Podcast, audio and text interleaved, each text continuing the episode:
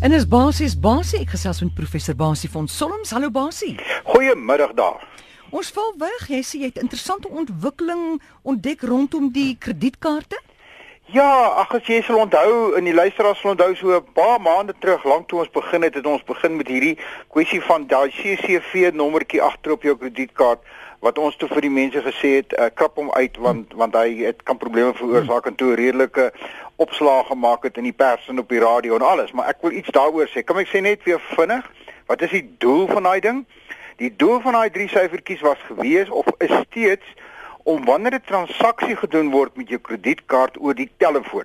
En die ou aan die ander kant wat uiteraard nou totaal op 'n ander plek kan sit, hy weet nie dat jy die eienaar van die kredietkaart is nie. Of hy weet nie wie sit aan die ander kant van die telefoon nie. Dan gee jy nou vir hom jou kredietkaart inligting of die ou wat nou die op transaksie doen, gee vir hom jou vervaldatum en jy gee vir hom die naam op die kaart. Maar nou sê die ou aan die ander kant, maar ek weet nie of dit is nie. Jy kon dit op enige plek hmm. gekry het uh, van 'n afskrif af van wat ook al. Wys vir my op een of ander manier dat jy werklik op hierdie stadium in besit is van die kredietkaart. Dan vra hy vir jou gee my die drie syfertjies op die agterkant want jy kan net daai drie syfertjies kry as jy fisies die kaart het of daai drie syfertjies ken. En as jy dan dit vir hom gee en hy korreleer dit met die bank, dan sê hy goed, jy's bewus van die kaart. So dit is nie wanneer jy 'n transaksie doen waar jy verkooppunt waar jy fisies daar is nie, want dan kan hulle sien jy het die kaart. Hierdie is wanneer hulle nie kan sien nie. Mm. Toe het ons nou gesê, kom ons vat daai drie syfertjies weg. Dan iemand wat jou kaart steel of wat jou kaart iewers in die hande kry, uh, en dan 'n transaksie wil doen, hy kan nie daai drie syfertjies gee nie want dit is nie daar nie. Nou is daar 'n baie interessante ontwikkeling. Ek wonder of hulle na ons geluister het. Ja. Maar daar word nog ge nie geëksperimenteer nie. Daar's nou 'n 'n konsepvorm van 'n kredietkaart uitge uit uitgewerk wat nou al klaar in in 'n in 'n oefeningsstadium is waar daar 'n batterytjie in die kredietkaart is en hierdie drie syfertjies genereer hy nou uh, kunsmatig of kom ons sê op op 'n willekeurige manier. So dis nie meer vaste drie syfertjies op jou kaart nie.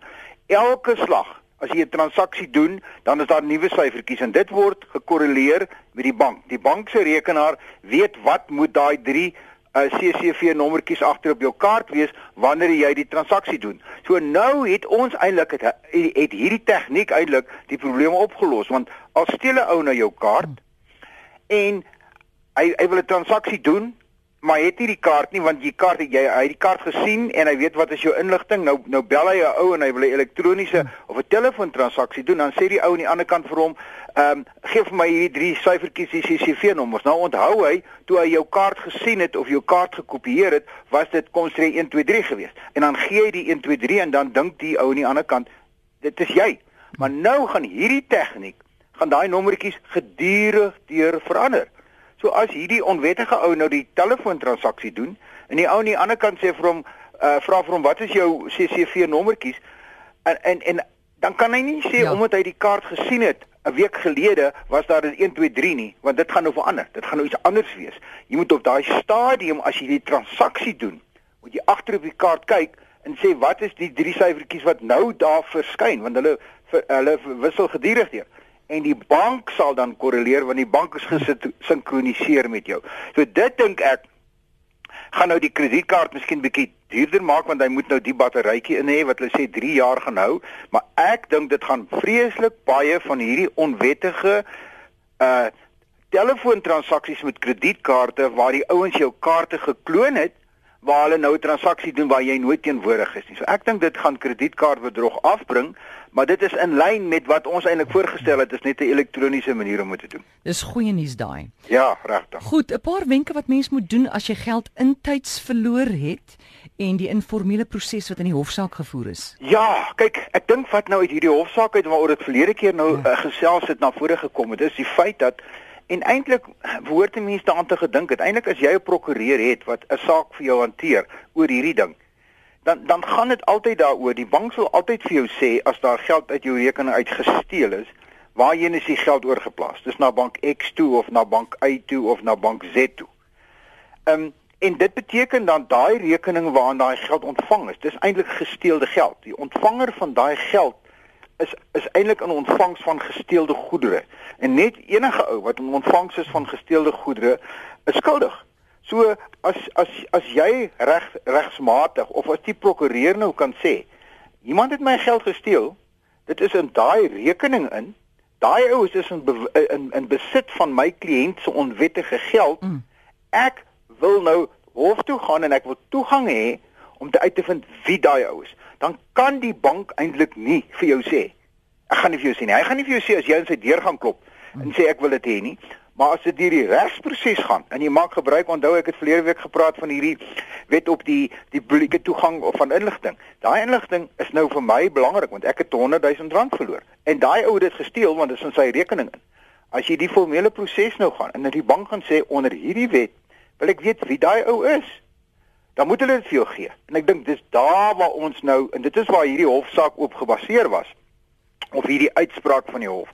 Nou moet hulle vir jou begin sê, maar dit was so en nou die volgende vraag wat jy nou vra is, goed as dit nou Kippie Kiberkrakker se rekening is, hoe sy oopgemaak? Is sy oopgemaak onder die wet, die FICA wet wat sê jy moet sy adres hê, jy moet sy ID-nommer gehad het en al sulke tipe dinge en dan mag die bank uitvind, ja maar ons het dit eintlik nooit gevra nie en dan is die bank skuldig.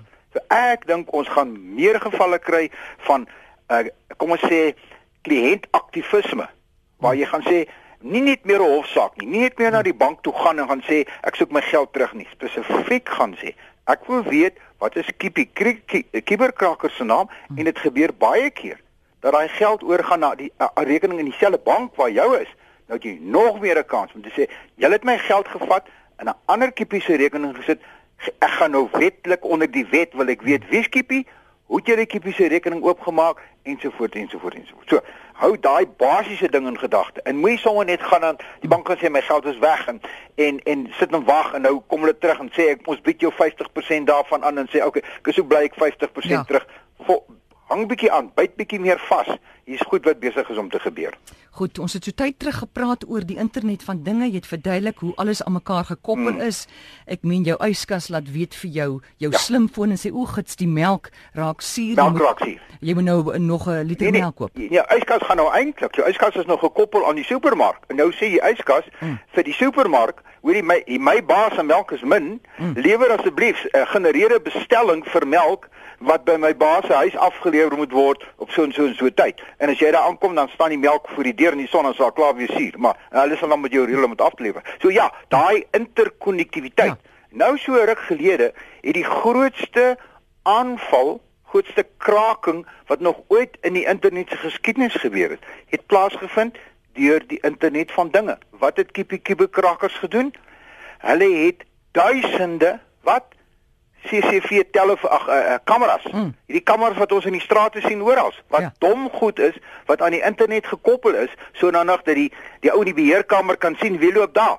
Hierdie kiberkrakers het hierdie komp uh, kameras aan mekaar gekoppel en toe hulle so 'n uh, botnet waaroor ons al gepraat het geskep van 'n paar duisend, paar honderd duisend rekenaars en toe het hulle almal net eenvoudig gesê gaan val daai rekenaar aan of daai webwerf aan en toe het hulle hom van die lug afgehaal. Dit is 'n ongelooflike groot goed uh hoeveelheid transaksies wat toe gegenereer is deur hierdie klomp kameras. So nou sit nie meer net 'n kwessie dat jy die kamera kyk vir jou nie. Die kamera val jou nou aan. Die kamera en daai kamera voor jou huis wat hmm. vir jou wys wat gaan in die straat aan. Maar nie verbaas is as daai kamera nou begin deel word van 'n aanval wat op jou gemaak word of op jou land of op jou bank of op jou wie ook al nie. So, wat moet jy doen? Wat hier hier sê ek vir jou is ons uitgelewer. Ons kan niks doen nie want wat nou baie duidelik blyk is die die sekuriteit van daai kamera of van hierdie dinge wat ons nou aan die internet begin kom, hierdie internet van dinge, die sekerheid van hierdie goed, van jou van jou mikrogolf ont, oond van jou van jou stoof en jou in jou yskas as jy gesê het, daar's nie sekerheid in daai ding ingebou nie. Die verskaffer sê ag nee wat, ons is nie bekommerd daaroor nie. Uh, ons wil dit net in die werk kry dat dit vir die diens lewe. Weereens gaan ons hier moet begin sê, daai goed, as jy so 'n ding koop en die ouens sê vir jou fantasties, mm. hierdie mikrogolf van jou is aan die uh is is kan jy aan die internet koppel en hy kan nou vir jou gaan melk bestel. Mm. Vra vra, wees krities, sê wat is my sekuriteisimplikasies? Hoe kan daai ding geïnfekteer word om 'n aanval op my te maak? As ons die regte vrae begin vra, dan gaan ons ook die verskaffer begin dwing om te sê maar ek ek ek hmm. hierdie kliënte van my begin nou meer sinvol maak. Moenie net eenvoudig glo as jy verkoopsman vir jou sê want dit is so veilig soos môre die heel daggie. Jou kamera gaan jou aanval en jou stoof gaan jou aanval. Goed, dankie Basie. Waar kan ons jou in die hande kry? Basie by RSG, RSG Basie, ekskuus tog, RSG Basie by uh, gmail.com. Stuur julle vrae, stuur julle reaksies. Ek kan nie kan nie by almal uitkom nie waar ek kan reageer ek. Maar kom ons gaan verder vorentoe en en ons kyk en as spesifieke sake is waaroor jy nou wil hê ons moet begin gesels of wat jy 'n vraag wil vra, stuur dit gerus vir my of vir jou en ons vat dit daarvan af verder. Dankie Basie, lekker aand. Alles van die beste, tot volgende keer. Totsiens. Is professor Basie van Solms en hy is direkteur van die Sentrum van Kubersekuriteit by die Universiteit van Johannesburg.